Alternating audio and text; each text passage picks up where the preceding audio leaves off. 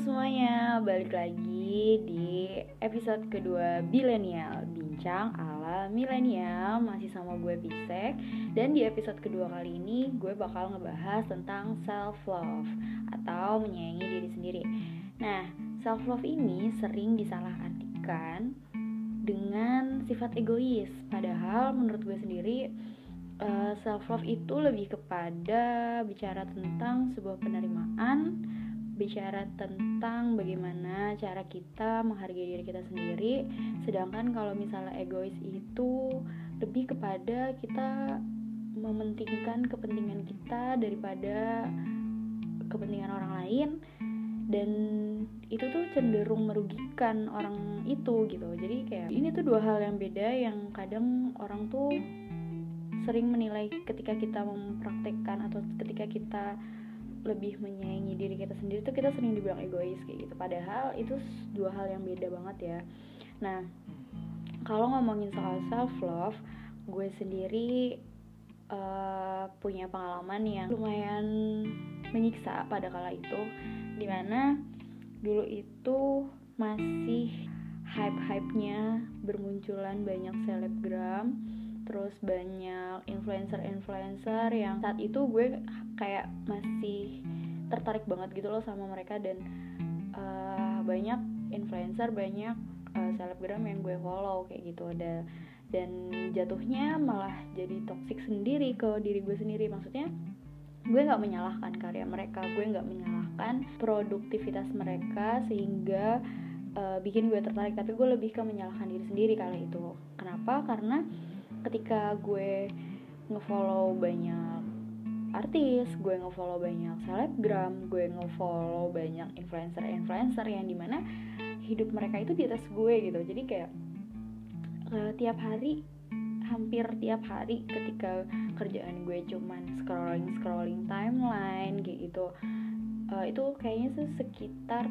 tahun 2016-2017 dan sebelum gue kuliah inget banget jadi kayak masih gabut dan ketika itu gue masih magang kan jadi kayak ya udah kerjanya selain itu ya pasti sosmedan kayak gitu. Nah di situ tuh hampir tiap hari atau sering banget ada pikiran kayak gue tuh ngebandingin diri gue dengan orang lain. Ih keren banget ya dia bisa kayak gitu. Kok gue nggak bisa ya? Kapan ya gue bisa kayak dia kayak gitu. Terus sisi diri gue yang lain kayak e, lo tuh gak cakep-cakep banget ngapain sih ngarep kayak mereka? Nah itu tuh jadi jadi racun tersendiri. Maksudnya kayak gue membandingkan kehidupan gue dengan kehidupan orang lain sedangkan gue tuh nggak mampu untuk sampai ke tahap itu kayak gitu. Jadi kayak jatuhnya ya gue tuh karena selalu ngeliat ke atas ya akhirnya gue nggak bersyukur gitu. Gue jarang bersyukur gue sering ngeluh terus kayak lebih fokus sama kekurangan diri gue sendiri dan lebih mentingin apa penilaian orang terhadap diri gue ketimbang penilaian gue sendiri kayak gitu. Jadi kayak uh, tiap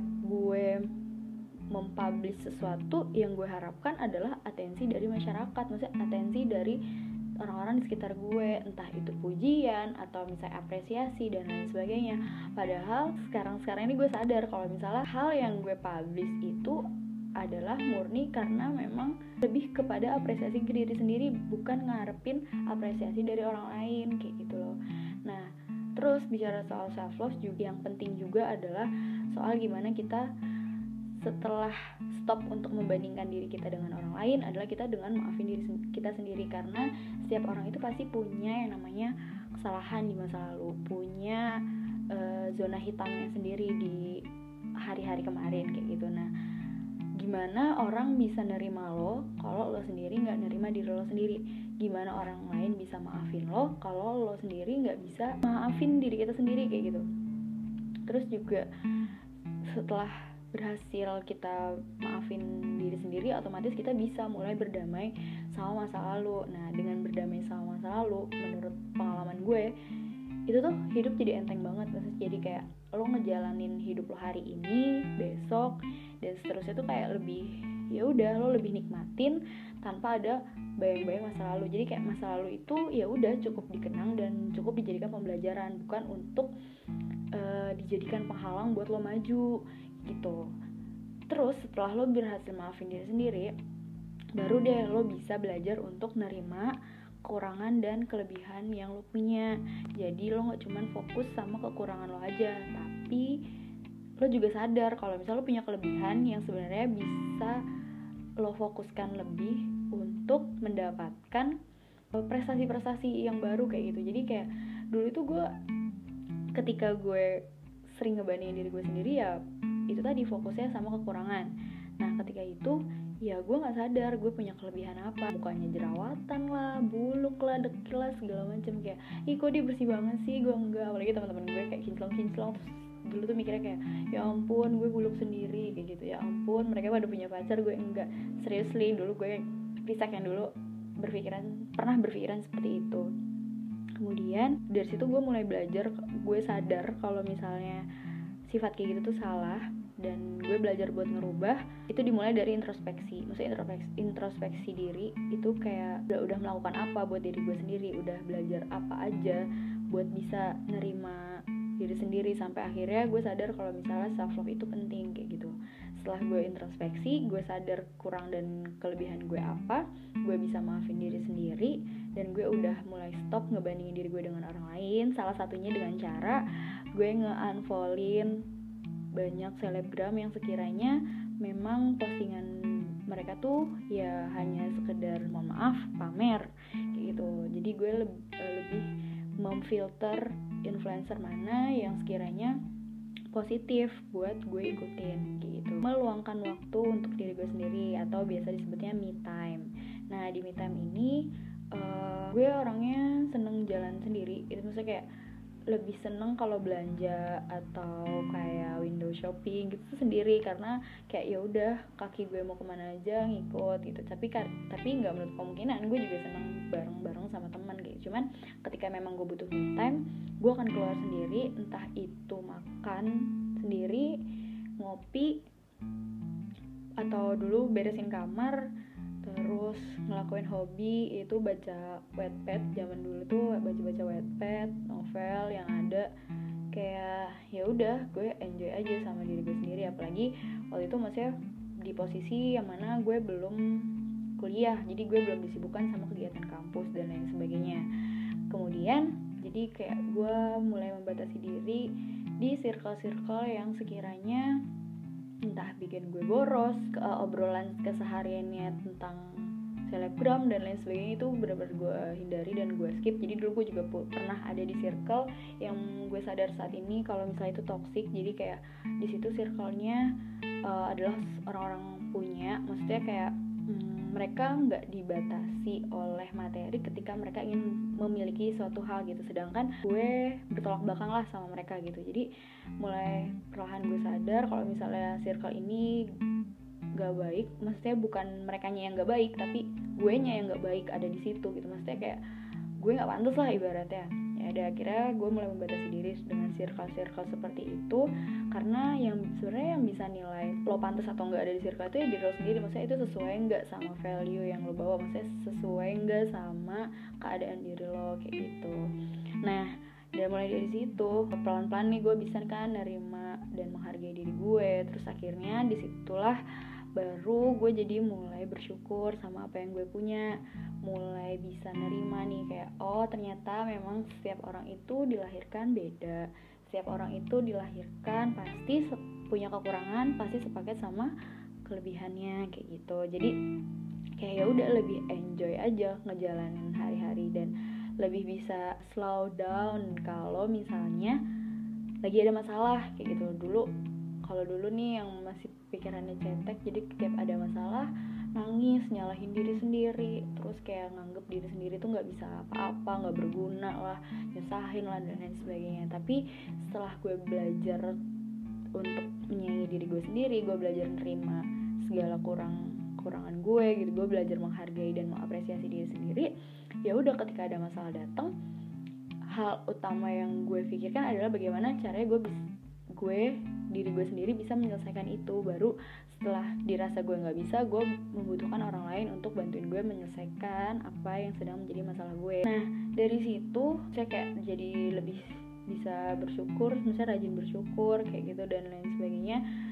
Dan lo lebih ikhlas sih ngejalanin proses yang lagi lo perjuangin. Maksudnya ketika lo memperjuangkan sesuatu ketika lo udah sayang sama diri lo sendiri lo nggak akan mengunderestimate ketika nanti lo gagal. Jadi entah hasilnya itu lo berhasil atau gagal ya udah uh, lo akan tetap bisa menerima dan menyayangi diri lo sendiri gitu tanpa terkecuali. Maksudnya ya pentingnya self love ya di situ. Karena kan hidup tuh gak berhenti dari perjuangan ya kata orang tuh kalau misalnya lo nggak berjuang ya berarti lo nggak hidup ya nggak sih? Nah berjuang versi orang kan beda-beda ya. Kalau misalnya gue sendiri apa pun yang gue kerjain ya itu gue lebih menghargai proses. Maksudnya gue lebih menghargai diri gue lebih mengapresiasi diri gue ketika diri gue itu mau untuk berproses gitu mau susah-susah untuk berproses.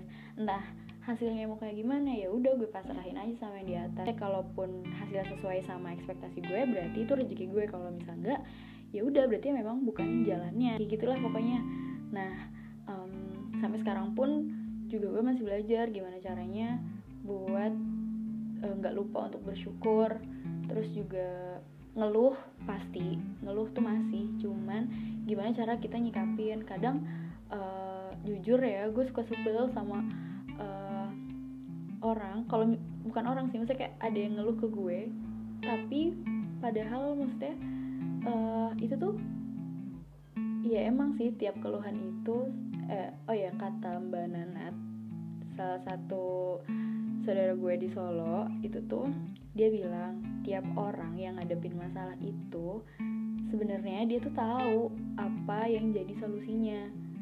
Cuman ya itu kayak butuh didengar aja. Nah ya gue nggak bukannya nggak suka sih dengerin cuman kadang tuh oh lebih tepatnya gue nggak suka kalau orang tuh sambat sama gue dan itu tuh diulang-ulang gitu. Maksudnya kayak bisa berkali-kali dan jedanya cuma beberapa kali. Ada hal-hal yang memang wajar untuk disambatin ada hal, yang gak harus disambatin gitu. kalau gue cuman ya apa sih itu hak dia buat sambat. Ya orang hidup sekarang tuh berasal dari uh, pengalamannya di masa lalu kayak gitu. Nah ya udah kayaknya gue udah mulai keluar jalur. Jadi mungkin segitu aja sih opini gue soal self love mudah-mudahan kita semua bisa lalu belajar dan menjaga bagaimana caranya kita buat menerima dan menghargai diri sendiri. Dengan menerima dan menghargai diri sendiri tuh kayak contoh misalnya mengapresiasi atas keberhasilan yang udah lo dapet itu tuh nggak perlu mahal nggak perlu kayak misalnya jalan-jalan ke tempat mahal yang jauh atau misalnya beli makanan mahal itu nggak perlu kayak ngelakuin hal, hal sederhana aja yang lo suka itu udah bentuk dari mengapresiasi diri sendiri sih menurut gue. Jadi um, jangan lupa sayangin diri sendiri sebelum kamu nyayangin orang lain karena ya itu tadi menerima diri sendiri dulu baru kamu bisa nerima orang lain di hidup kamu kayak gitu. Kok dari gue lu terus aku kamu? Nggak jelas banget ya. Ya maklum uh, anak Bekasi tinggal di Solo. Jadi kayak ya campur aduk gitu bahasanya. Jadi ya udah. Mungkin segitu dulu bahasan di episode kedua kali ini tentang self love kritik sarannya gue tunggu. Uh, mohon maaf kalau ada kata-kata atau ada statement yang uh, tidak disukai dan tidak berkenan di hati teman-teman. Semuanya adalah pure murni kesalahannya dari gue juga murni pemikiran dari gue sendiri. Jadi mohon dimaafkan. Sampai ketemu di episode berikutnya di gue lupa milenial bincang ala milenial. Bye bye